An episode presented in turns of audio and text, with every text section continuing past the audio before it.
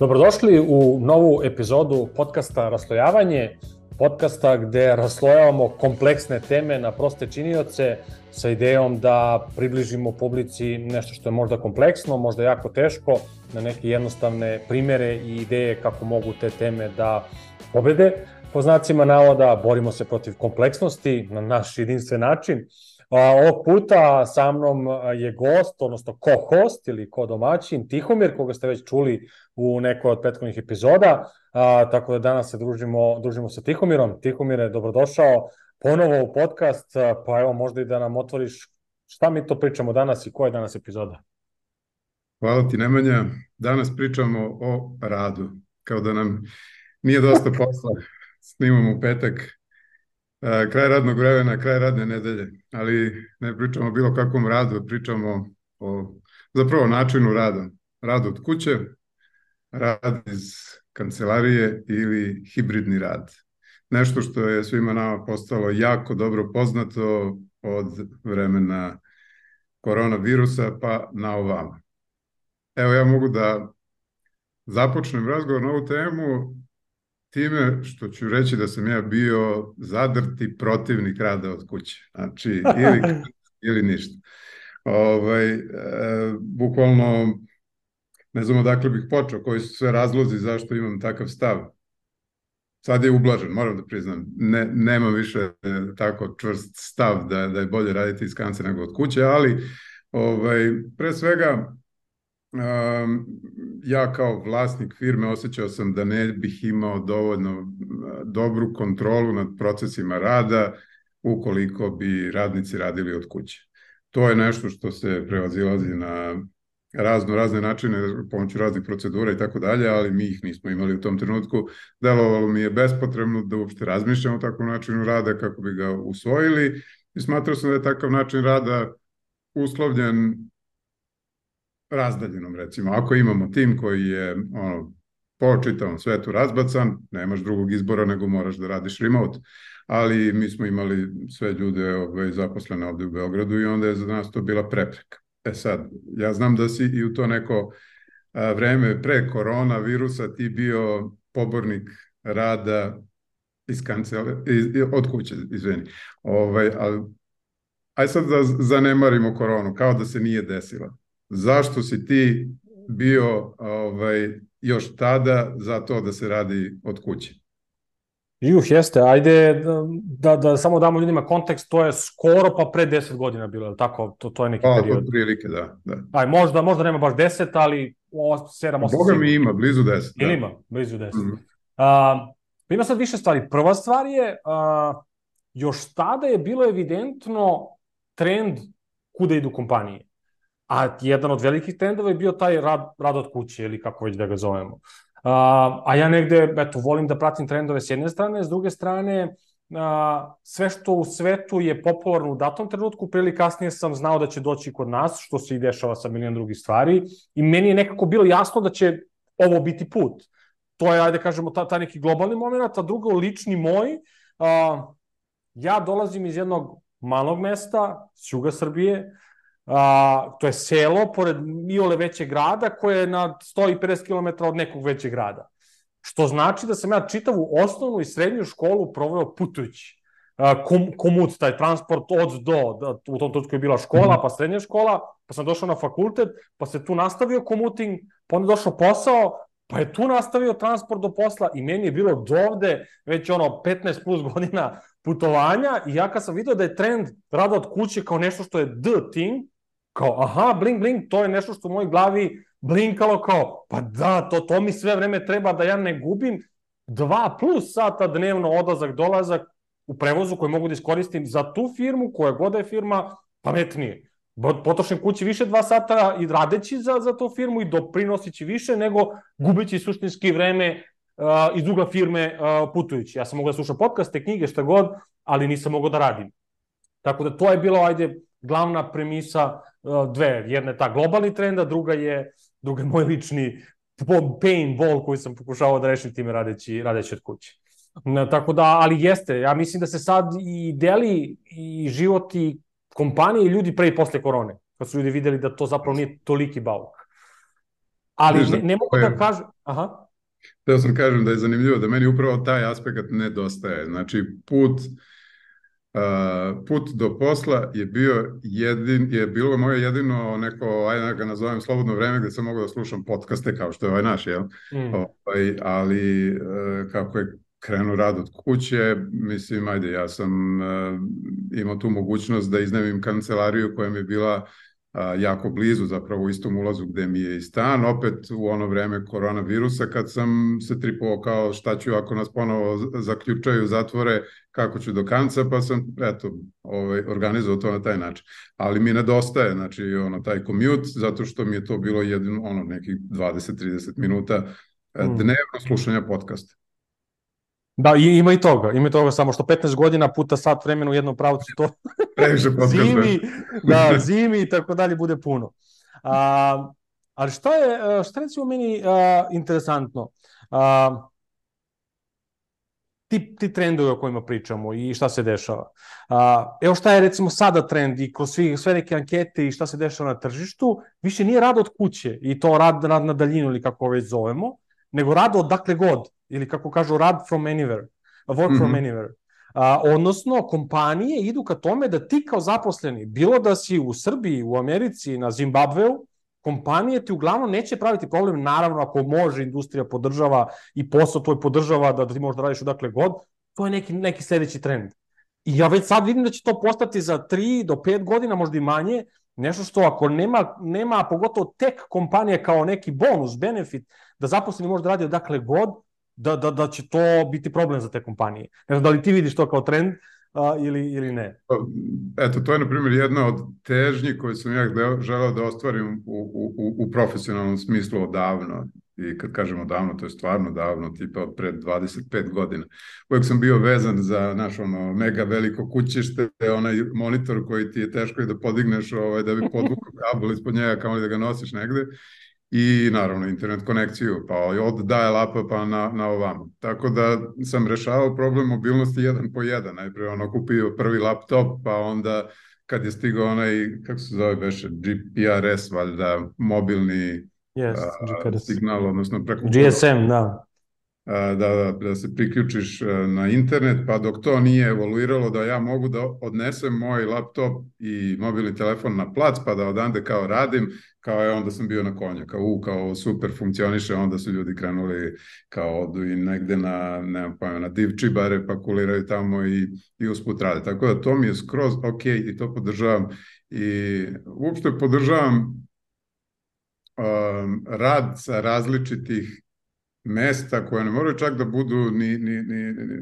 ni van istog kancelarijskog prostora. Možda je dovoljno da pomeriš laptop sa tvog stola za kojim sediš non stop na, na nemam pojma, neki drugi sto ili da izađeš, sedneš na fotelju, u lobi, sve jedno, uopšte nije bitno, nekad ti to ono malo pomaže, da. Preveže vijuge i, i lakše funkcionišeš na taj način ili odeš prosto dole u, u kafić ispod ovaj, tako da skroz sam za taj koncept i, i, i definitivno sam za to.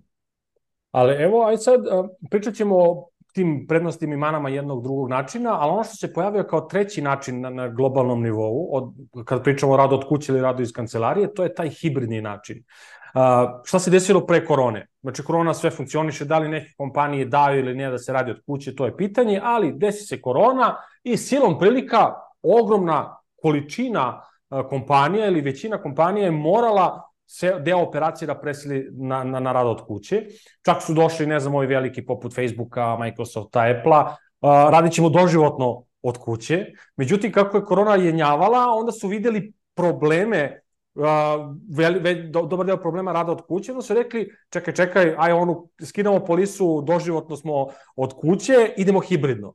Šta je hibridno, sad je uvedeno kao, kao novi termin, dva dana od kuće, tri dana iz kancelarije, tri dana od kuće, dva dana iz, dva dana iz kancelarije, zavisi kako, ko je, koju polisu usvojio i to je sad mhm. postalo u neku ruku standard, što ne, ne znam da li se slažem, ne znam šta, šta ti misliš o tome, ja nisam recimo zagovornik takvog načina rada, mislim da kupi loše probleme jednog i drugog načina. I rada od kuće, rada iz kancelarije, hibridno samo ispoljava još više, ali ono što mislim da se desilo je da su kompanije skapirale ljudi koji su dobro radili u kancelariji, samo su još bolje radili od kuće, a ljudi koji nisu bili toliko dobri performeri u kancelariji su još veći neperformeri od kuće. Onda su morali da nađu neki balans i taj balans 3 plus 2, 2 plus 3, mislim da je većina, većina usvojila kao nešto što je sad postalo, postalo standard. Da, ovaj, jedan ortak mogu da se setim iskreno ko je, imam osjećaj da je naš zajednički poznanik i prijatelj, je rekao rad od kuće je skill. Uh, odnosno, ne može to svako. Od kuće te vuku razne stvari na razna mesta.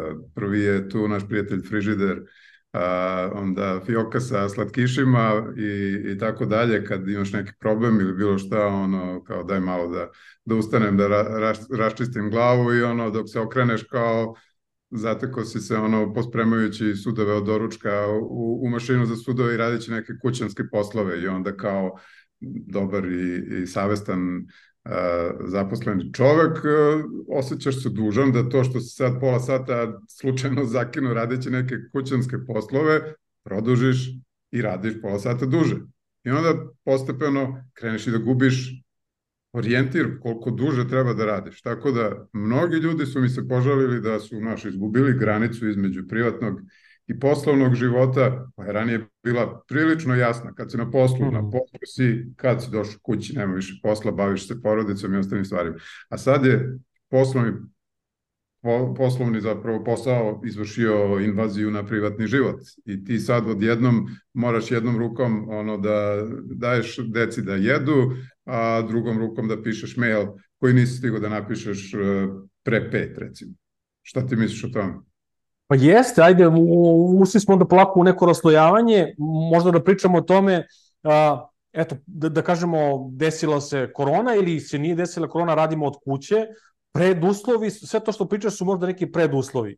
U smislu, rad od kuće zahteva mnogo veću disciplinu nego rad iz kancelarije. Za, za mnoge stavke. Pod broj 1, disciplina, ja sam na poslu. Bez obzira što sam ja kod kuće, nema pidžama, nema krevet, nema ležanje i držanje laptopa, nema gungula i tako dalje, moram da nađem neki sobičak ili neki prostor tako u stanu, to je moje radno mesto. To je, to je broj 1.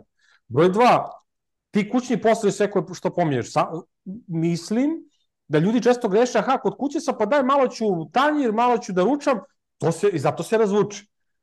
Da. Ali ne, ako sam ja od kuće, ma nema kućnih poslova, ja kao da sam otišao u kancelariju, ostavio prljave sudove, prlja veš, to mora da me sačeka posle pet, posle šest, kad se, kad se završava posao. I tu mislim da se pravi pravi, pravi problem, e, gde ljudi koji rade od kuće zaborave to, ne, aha, pa dobro, kući se, pa ću sada skokati na prodavnice, pa ću sad ne znam šta, i to se samo razvodni i ceo dan zapravo radiš i nemaš osjećaj da si, da si otišao na posao ili, ili si od kuće.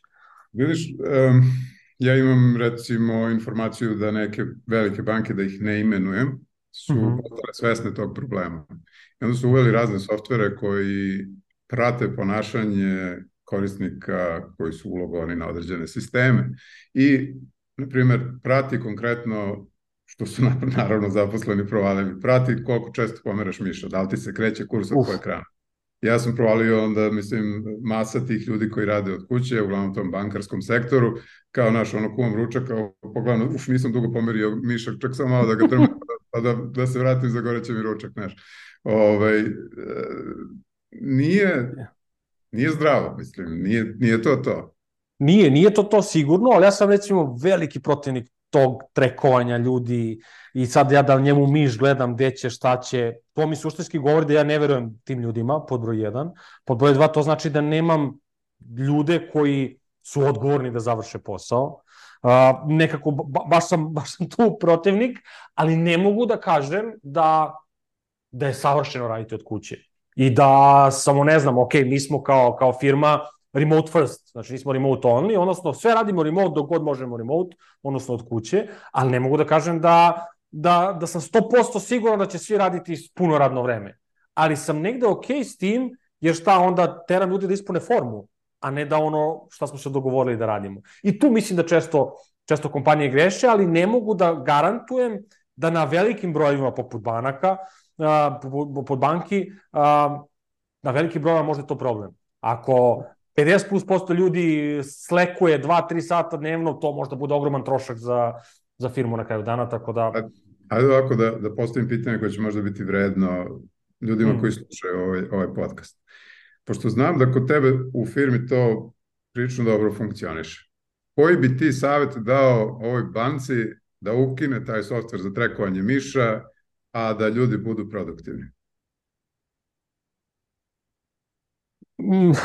Ne, ne znam kako bi mi bilo da kažem ne znam tačno će raditi, jer moja firma ima 15 ljudi, banka možda ima 1000 plus, a, na toj skali ne znam šta bi radio, ali šta, šta, šta bih preporučio? Broj jedan, procesi moraju da budu kristalno jasni svima, a to znači kad se prijavljujem kad dolazim na posao, kome se prijavljujem, je krenuo sam da radim, koje sastanke imam, kada sa kim se čujem da pričamo o tome dokle smo stigli sa poslom, kada je neki review ili kako već da, da ga nazovemo, kad, dete, da, kada pričamo o tome šta sam uradio u prethodnom periodu, kada je neko planiranje za napred, kada je neki novi check-in, dakle sve su to neki procesi koji moraju da postoje od toga kako se prijavljaju na poziv do toga kako završavam dan. Dakle, dan ne mogu da završim dok nisam napisao pet buleta, danas sam radio na tome i tome, tu sam imao problema, ovo sam završio, ovo bilo super, ovo nikako nije bilo dobro. Dakle, banalizujem, ali i ne toliko. Dakle, to tako funkcioniše kod nas. Danas smo krenuli da radimo ponedeljak je, e, super, planiramo ovu nedelju, ko će na čemu da radi. U sredu smo se čuli kako ti ide, petak, kraj nedelje, šta si uradio? Dakle, procesi, broj jedan, moraju da postoje, broj dva, ta banka mora da omogući zaposlenom da radi od kuće. Šta to znači? Ako ja kao firma kažem, e, svi radimo od kuće, ja moram da obezbedim, ne znam, monitor, dobre slušalice, kamera ako treba, ako treba čak i sto, jer možda neko nema, sad ga ja teram da ima neki trošak, ne mogu na zaposleno da staviti trošak kako ga ja teram da radi od kuće. Dakle, ja moram da mu napravim okruženje da taj zaposleni možda kaže, e, ja mogu da radim bez, bez problema od kuće, e, onda možemo da se bavimo procesima i tako dalje, nekim, ne bih nazvao to command and control, više bih nazvao check-in, kako proveravamo da li to što smo dogovorili da radimo stvarno funkcioniše. I mislim da se mnogo lakše vidi online ko radi, ko ne radi, bez softvera, nego u uh, ofisu. Zašto? Jer u ofisu mogu da drndam laptop i da ništa ne isporučim, a od kuće, ako se ne desi posle tri sata kad smo se dogovorili i mi se čujemo i ja vidim da ništa ne napreduje, pa odmah ću da vidim šta se dešava. Tako da eto, ja, ja bih tih neke te četiri stvari rekao. Da, da, da, ima, ima tu ovaj, dobrih savjeta, čini mi se. Um, ajde ti kažem šta je mene, na primjer, zateklo na, na levoj nozi kada, kada je krenuo, ono, mislim, izolacija i nema više rada iz kancelarije. Mi smo firma koja se bavi razvojem softvera i sad najčešće nisu svi zaposleni iz naše firme na istom projektu. Oni koji su na istom projektu često su imali one daily meetinge kako već to ide i oni su se ovaj, i ovako i onako ili nalazili uživo ili pričali online o, o potrebama ovaj, vezanim za taj konkretan projekt. Ali ostali nisu, prosto nije bilo potrebe da se međusobno čujemo i onda kad je nastupila korona, ja sam shvatio u jednom trenutku da 15 dana se nisam čuo ili video sa pojedinim ljudima uopšte. Mm. I, I shvatio sam da ja nemam pojma šta oni rade. Nemam pojma, hm. kao, otprilike niko se ne žali od klijenata, kao valjda je dobro, ali taj neki osjećaj bespomoćnosti i gubitka kontrole, kao šta da radim čoveče, ovaj, i onda sam brže bolje ovaj, naravno ono, informiću, informišući se i na internetu šta drugi ljudi rade, ovaj, kako prevazilaze taj sličan problem. Našao sam neke ono kao bonding igrice, bilo šta, ono, da, da, da, da se ujutro obavezno, tipa u devet, svi čujemo nevezano potpuno za posao, znači daj da pričamo o glupostima, daj da pričamo ko gde voli da putuje, ko, ko je filmove gledao prošle nedelje, bilo šta 15 minuta, samo da ono svako ima priliku da 2-3 minuta priča neke random stvari, da imamo osjećaj da smo ista firma. I onda su stvari kao nekako postale normalnije. Hmm. Ali, ali moram da kažem da, da je taj osjećaj ono bio prilično onako oštar, to bih rekao. Jeste, a šta, šta je meni bilo, a, jedna druga stvar, mi smo imali, mi smo, ajde, mi smo preterivali u startu dok se nismo navikli, u smislu, čuli smo se svakog jutra, čuli, na početku dana, čuli smo se svakog dana na kraju dana i čuli smo se ponedelja, početak nedelje i kraj nedelje. Puno stvari je bilo kao, kao, ok, posle par nedelja kao ti vidiš da se ponavljaju stvari, pa smo proredili. Pa bilo, čujemo se ponedeljak ujutru, sreda na kraju dana, petak na kraju dana. I onda smo to negdje održali do dan danas, ali smo, ono što je počelo meni da fali, radimo, radimo, radimo, radimo, kraj nedelje, ponedeljak, radimo, radimo, radimo, a dok je no, u kancelariji bilo kao radimo, radimo, pa popijemo kafu, pa radimo, radimo, pa popijemo, ne znam, odemo na ručak, pa radimo, radimo, pa bacimo neku foricu, pa ne znam, odeš kafa, cigara, šta god. I od, online odjednom to je prestalo. Više nisam znao, uh, pogotovo kamera, ne vidiš celo telo, je neko gojio, jel, uh, šta oblači, kako se osjeća. I onda smo uveli četvrtkom grovit kafica. To i dan danas imamo. Usred radnog vremena. Posle ručka, 15 minuta traje, ali samo sme da se priča o nečemu što nije posao. Je, ko ima devojka u devojku, dečka, vezu, kako ti na, kod kuće, kako deca i tako dalje, gde smo skontali da to smo potpuno zaboravili u tih par meseci prvih, više nismo imali dodira sa realnošću šta se dešava van Zoom poziva. Tako da eto, to je, to je bilo iz moje perspektive, što je meni bilo kao čekaj, potpuno nemam pojma sa ovim ljudima šta se dešava. Jes, to je, to je super fora i, i verujem da, da je aktivnost koju treba podržavati i razvijati. Mislim, um, taj bonding među zaposlenima, pogotovo ako je, mislim, u IT industriji recimo velika fluktuacija radne snage i stalno dolaze i odlaze ljudi iz kompanije, oni nemaju priliku da se zbliže, da postanu ortaci i samim tim nekako ni nemaju osjećaj da treba da pomažu jedni drugima, tako da je, je to nešto što, što to je zapravo razlog iz koga ja bih podržao ovaj hibridni način rada. Hmm. Uh, A, ja sam recimo protivni hibridnog. Uh, zašto? Koji su, koji su, koji su razlozi? Uh, mi radimo sa klijentima gde suštinski im pomažemo da implementiraju neke bolje procese u svojim firmama. Između ostalo, sad mogu da vidim šta se dešava kad firma radi skroz online, šta kad se dešava skroz iz ofisa, šta kad je hibridno.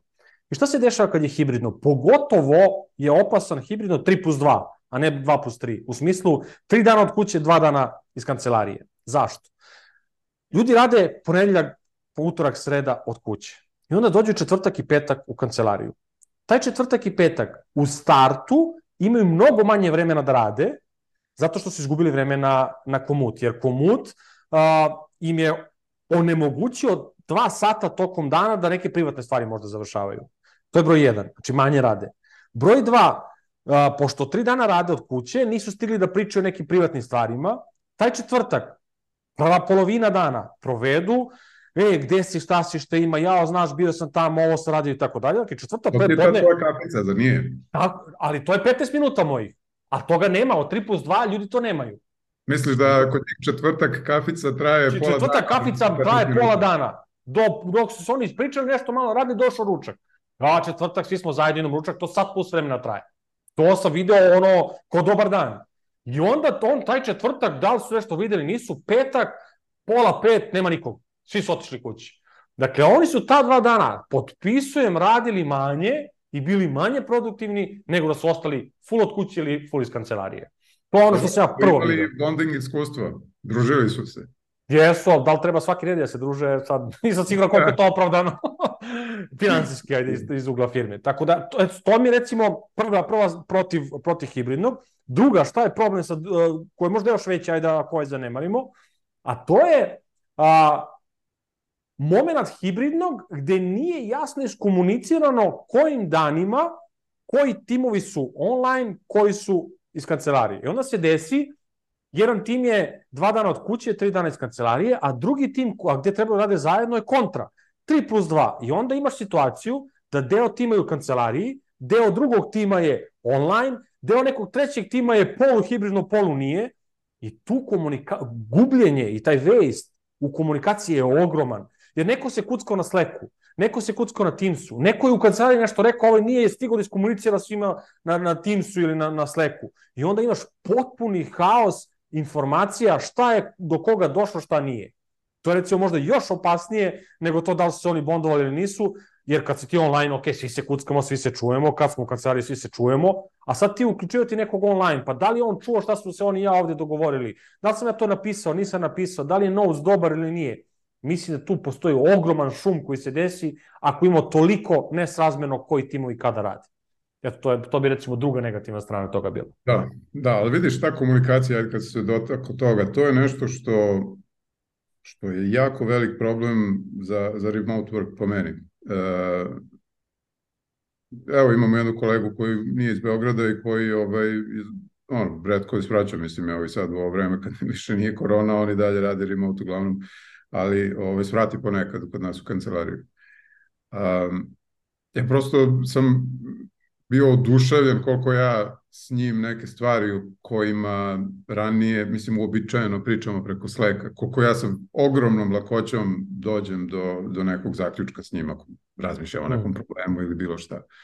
Mislim, nije to samo što ja brže, recimo, pričam nego što kucam, nego što tu postoji neka neverbalna komunikacija, znaš, ono, odmah vidim da li on klima glavom, da li se slaže, ne slaže, znaš, ne moram da čekam da on pročita šta sam ja rekao pa da razmisli nekako, mislim sve je, znaš, prirodno i, i, i nešto što ljudi rade ovaj, uh, ceo svoj evolutivni proces zapravo ovaj, je, je doveo do, do, do razvitka takvog načina komunikacije. Mi se kuckamo koliko zadnjih nekoliko decenija pomoću različitih uređaja, uključujući tu možda i pisaće mašine, ali ovaj, mnogo, mnogo je lakše komunicirati direktno i ne koristiti recimo pisanu komunikaciju. Drugo, pisana komunikacija često nosi, iako, iako je, rekao bih, bez ikakvih emocija najčešće, osim ako kao ne koristiš emotikone, zna više da nosi nekakve negativne konotacije, iako ti nisi uopšte imao nameru da budeš ni negativan, ni da kritikuješ nekoga ili bilo šta, nekako a, kad napišeš nešto, nemaš ono naš način da kao umekšaš to što si rekao, ne znam, načinom koji si to izgovorio ili uopšte stavom koji si zauzeo ili bilo šta, nego se onda ljudi tripaju kao vidi ga ovaj što se narogušio naš ono, zato mi se ovde ovaj, da ne psujem, ali um, u principu uh, postoji to i treće, ako ja sad se s tobom dopisujem preko Slack i kao istripujem kao ajde možda ipak bolje da se čujemo ja sad tebi kažem, ajmo na Zoom. Ti ćeš odmah da pomisliš, ja, šta se sad desilo? Zašto Zoom? Šta je problem? Znaš, ono, hmm. eskalirao je situaciju, brate, šta je sad ovo? Tako da, ono, stresno je, baš, baš je, ovaj, nije, uh, nije fluidno. Yes, nije, nije prirodno, poslažem se. Uh, tu bi samo odmah ono, neka napomena ili kako god, uh, tip. Koristite emojije, emotikone, smajlije, kako god da ih zovemo, onoliko u toj komunikaciji online, ako nema emotikona, vrlo je pod broj jedan šturo, vrlo je tvrdo, ajde da tako kažem, ako nema emotikona, a ovako makar dobijemo neki izraz e, ekspresije, emo, emocije, to, to je jedno, a drugo, šta sam recimo viđao, apsolutno se slažem to da se mnogo drugačije osjeća kad se komunicira i može se protumači pogrešno, ali s druge strane, Pogotovo ako su neke, ako treba se iskomunicira nešto teško ili nešto kompleksno i komplikovano, mislim da je mnogo bolje artikulisati misli pisano nego verbalno, jer verbalno mo, i ti ja ćemo postati emotivni ako pričamo o nekoj teškoj temi. A ovako ako ti ja ispišemo uliki roman, ti moraš prvo sam sa sobom da se ono iznerviraš, popizdiš i pa tek onda da mi odgovoriš, ne možeš odmah da mi uskačeš u reči da, da, da jedan drugom ono tu diskutujemo, prosto je drugačije. Tako iz te perspektive mislim da ima pozitivni strana, ali mnogo mhm. manje nego što ima negativni strana. Mislim da mnogo više problema stvara, stvara to ili nedovoljno pisanje ili preveliko pisanje kad se, kad se kuckamo online. Prosto kako je ko razumeo, imao jedan tok misli, a napisao nešto drugo, pa ovaj treći nešto razumeo, pitanje kako on razumeo, tako da jest, veliki problem. Veliki problem. Jest. Da li smatraš da su emotikoni previše neformalni u, u poslovnoj komunikaciji, pogotovo sa nekim ljudima koje ne poznaješ ne. dovoljno dobro? Ne.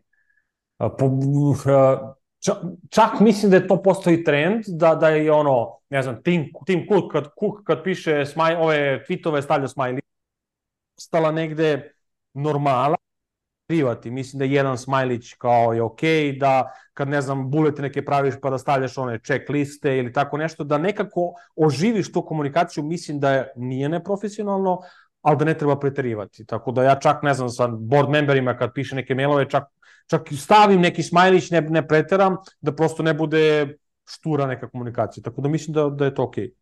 Ne znam, mm -hmm. ti mhm. protiv toga ili...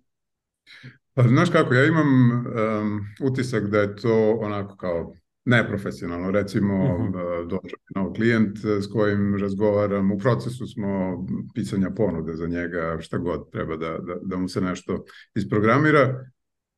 Nisam nisam rad da, da uključujem emotikone u, u takvu vrstu prepiske. Eto, toliko bih rekao. Nekako, imam, imam osjećaj da će me doživeti da sam neozbiljan, e, da ne znam, da je tinjast ili šta god, ne znam, ne mogu da opišem taj osjećaj, ali nekako imam osjećaj da im nije tu mesto. A znaš kada šta radim recimo, ajde sad možda smo preduboko otišli pa ćemo se vratimo, ali znaš kad napišeš emotikon pa se on nekako prepravi ono žuto, žuti emoji onako. Mm -hmm. Ja nekad to obrišem da samo ostanu dve tačke i zagrada, da, da, da tako bude emoji, da bude manje kartuniša, da tako kažem. Da, da, da, da, da. moguće da je to do, do toga zapravo, do tog kartuniš momenta kad on stvarno povuče pravi emoji. Mm, da. Ove, ajde, ajde da se vratimo na, na temu i da možda uh, možda uh, usmerimo pažnju na neku budućnost kako bi kako bi rad mogao da izgleda u zapravo bliskoj nam budućnosti. Uh, ti i ja smo dosta razgovora imali na temu kako bi mogli da rešimo problem prisutnosti. Eto, na primjer, o tome nismo pričali uopšte. Da li je neko prisutan na sastanku uh, duhom, iako je prisutan online i vidiš ga na, na kameri da je tu, ko zna gde je on i šta radi, ovaj, pogotovo ako kamere nisu uključene i tako dalje. I ti i ja smo onda pričali kako bi bilo lepo iskoristiti uh, VR, odnosno uređaje za virtualnu stvarnost, da se prevaziđe recimo taj problem. Evo koje su, koji su nam bili uh, kao uh, ključni faktori zašto smo mislili da bi to bilo korisno. Zato što kad staviš taj uređaj na glavu, ti ne možeš da da foliraš da si tu. Znači, ti praktično tvoj avatar zapravo u virtualnoj realnosti simulira tvoju, tvoj lik u stvarnosti i ti ako skineš sa glave taj, taj uređaj, svi će videti da je tvoj lik ili nestao ili je, ne znam, sagnuo glavu, kako je što simboli, simbolizovano. Ali uh, ti prosto si tu i taj neki osjećaj prisutnosti sa drugom osobom u virtualnom prostoru, to onaj ko nikad nije probao VR uređaj i ko nikad nije u isto vreme bio u istom virtualnom prostoru sa drugom osobom, ne može da shvati koliko je taj osjećaj prisutnosti u istoj prostoriji sa nekom drugom osobom koja možda bude na drugom kontinentu, koliko je taj osjećaj stvarno dobar i stvaran. Tako da smo uh, ti ja dosta razgovarali uh, kako bi mogli da, da, da, da napravimo neke proizvode, možda koristeći uh, Oculus uređaj Metin, Međutim, tu ima sad nekih negativnih stvari sa tim uređajem, da ih ne pominjemo, ali Apple je sad ušao kao ono mega igrač sad sa svojim Vision Pro uređajem koji treba da se pojavi 2024. na tržištu i ja mislim da će stvari tu debelo da se promene. Šta ti misliš, kako će nam izgledati budućnost kada uređaj poput Vision Pro postanu mainstream i kad ih bude imao nadam se, svako ko sad možda ima ovaj računar. Pa ja, ću, ja bih rekao, nažalost, mislim da će to biti budućnost, Ka, kao što smo pričali o trendu work from anywhere, uh, mislim da će ovo postati trend, a to nije nešto što bih ja voleo. Tu bih recimo ja možda bio tu kao ti, ja bih više navigirao da ostanemo ovako, uh, pre, kao što si ti ranije navigirao da se radi iz, iz kancelarije, ja bih navigirao da ostane neki Zoom, Teams pre nego da stavljamo nešto na oči. Koliko god mi diskutovali o tim, tim stvarima, diskutujemo iz ugla to dolazi, ajde da vidimo šta možemo mi da uradimo iz naše perspektive, ali mi se ne dopada. Ne dopada mi se ta budućnost, jer to mislim da tek dodatno nas otuđuje i ne da nam razloge da, da ja izađem možda iz komfora svog doma, a, tako da iz te perspektive sam protiv, ali sam za iz perspektive mislim da će rešiti gomilu problema koji imamo danas, a jedan od je jedan primer, da li će ta osoba to ovo čuti ili ne, ne znam, možda se javi u komentarima, ali jedna od stvari koju mi radimo sa klijentima je radimo intervjue u početku neke naše saradnje.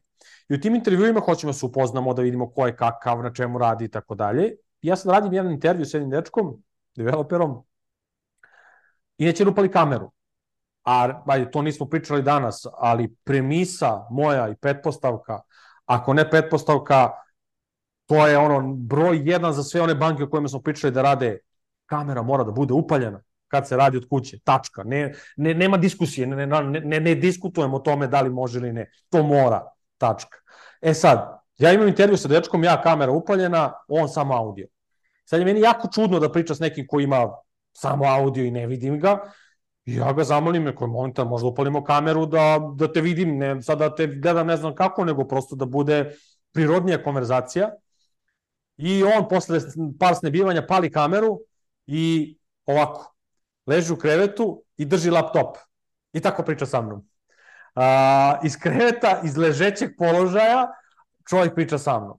Znači, to tog trenutka pitanje je da li on uopšte o čemu razmišlja, samo je čekao da ovaj završi s nekim pitanjima, da li je mentalno bio tu, nije, pojma nemam, ali je vrlo nepri, neprofesionalno, vrlo nepristojno tako se ponašati na sastanku, jer zaboravljamo ponovo, rad od kuće ne znači ležim polu go u krevetu i radim, nego sam u radnoj stolici kao ti ja danas i radimo.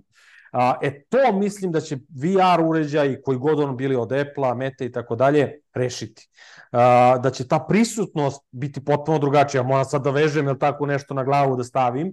Ok, ne mogu da znam da li si obučen ili nisi, ali možda kroz Apple Vision Pro ovaj, možda i mogu, a, možda će to promeniti, ali eto, mislim da će taj problem pod broj 1 rešiti. Pod broj 2 veliki problem je, evo ti ja a, sad pričamo, a meni ovdje iskače 50 notifikacija.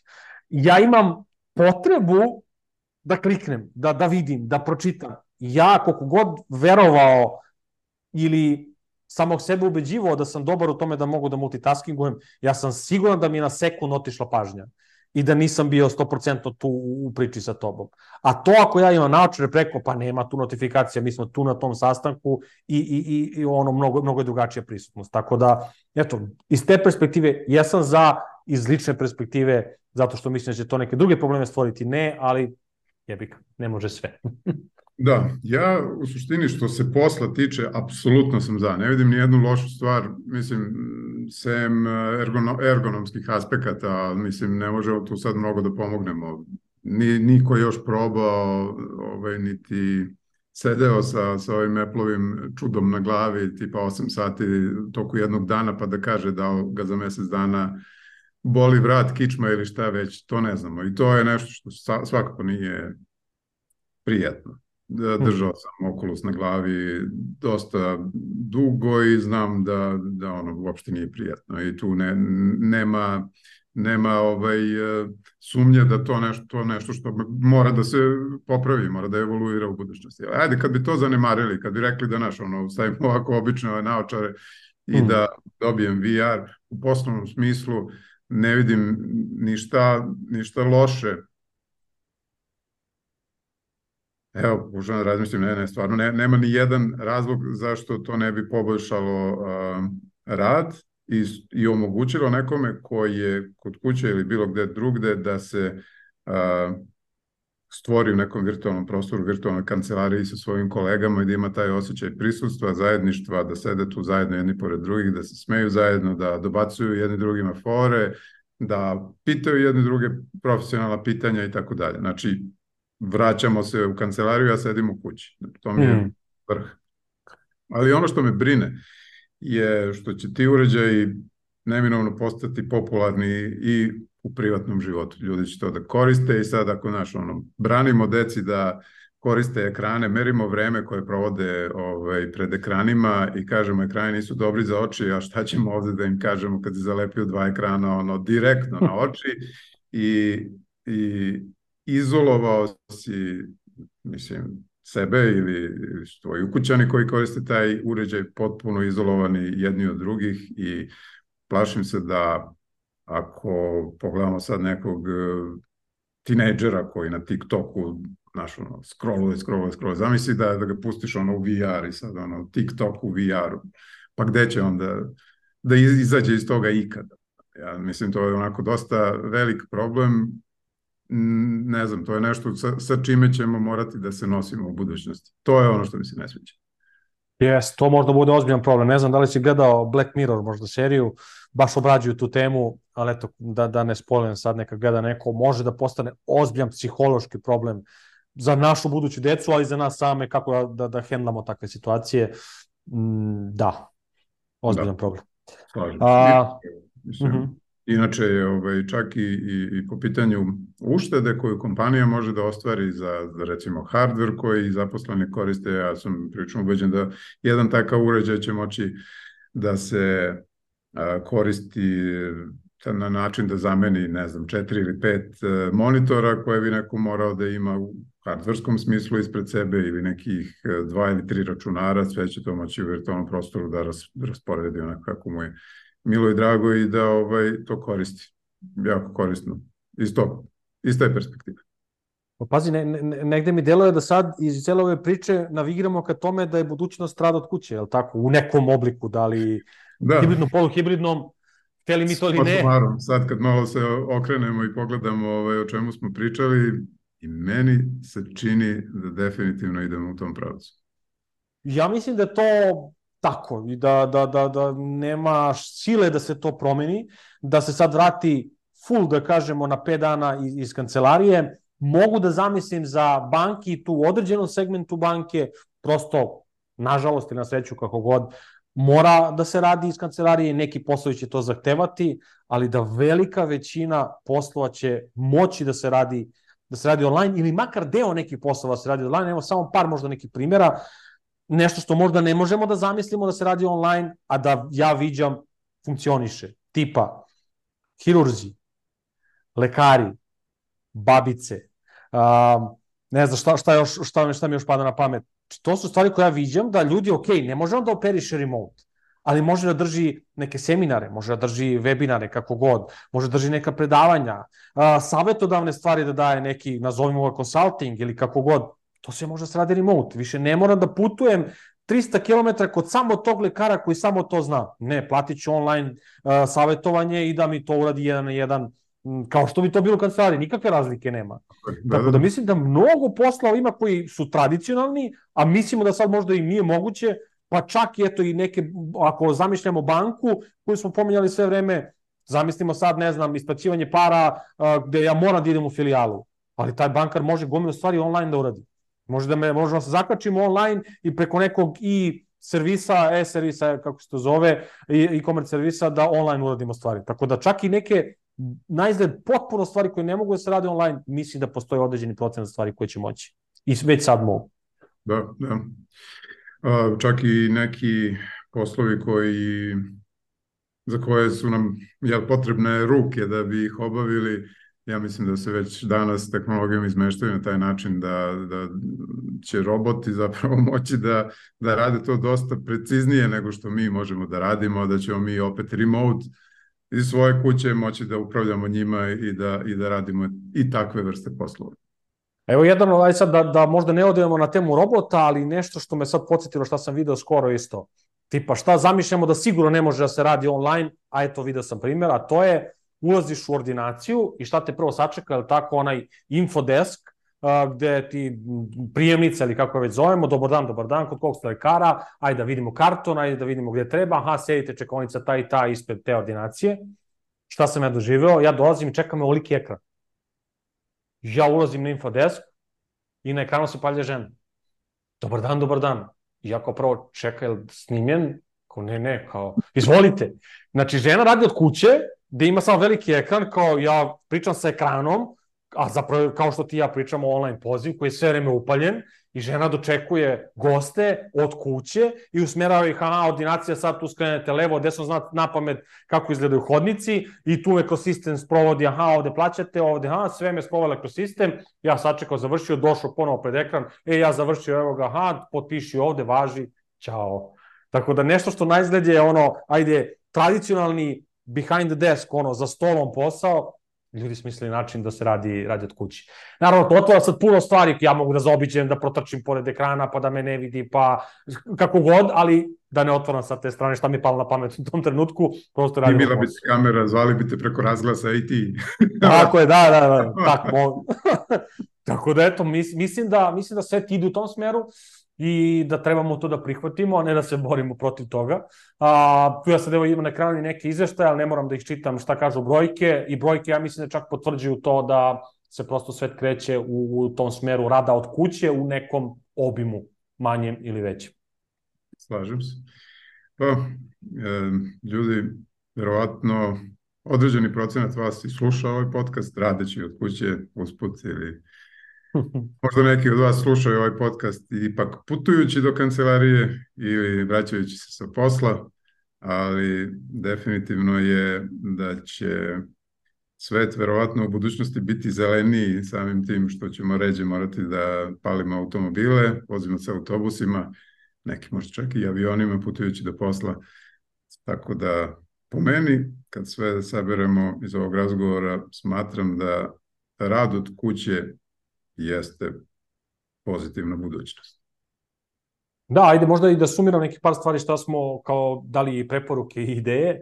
Pod broj jedan, kompanije moraju da naprave okruženje za rad od kuće, ne mogu samo da puste i da to funkcioniše samo od sebe. Dakle, od hardvera do nekog setapa, ili tako, okruženja u kući, da li je to prostor, da li je to sto, dakle, kompanija to mora da obezbedi. Broj dva, obezbeđuju procese, dakle, procesi moraju da podrže online rad, rad od kuće, ne mogu isti procesi kao rad iz kancelarije.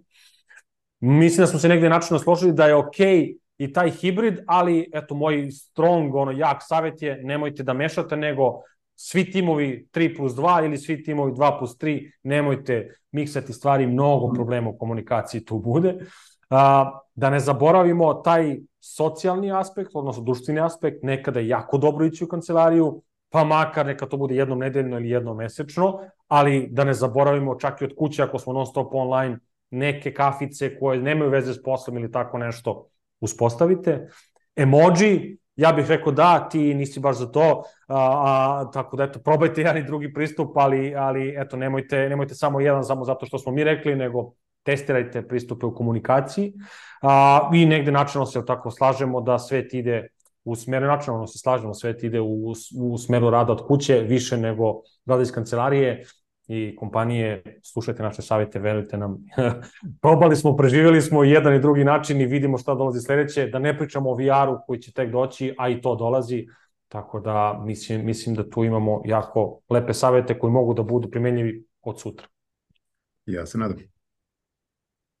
To bi bilo to za ovu epizodu. Nama se da ste uživali. Pratite nas na društvenim mrežama i dajte predloge za neke nove epizode ili komentarišite ovu trenutnu kako se vama dojmila ili ako imate neki drugačiji stav od nas, podelite sa nama. Hvala još jednom i prijatno. Pozdravljamo vas.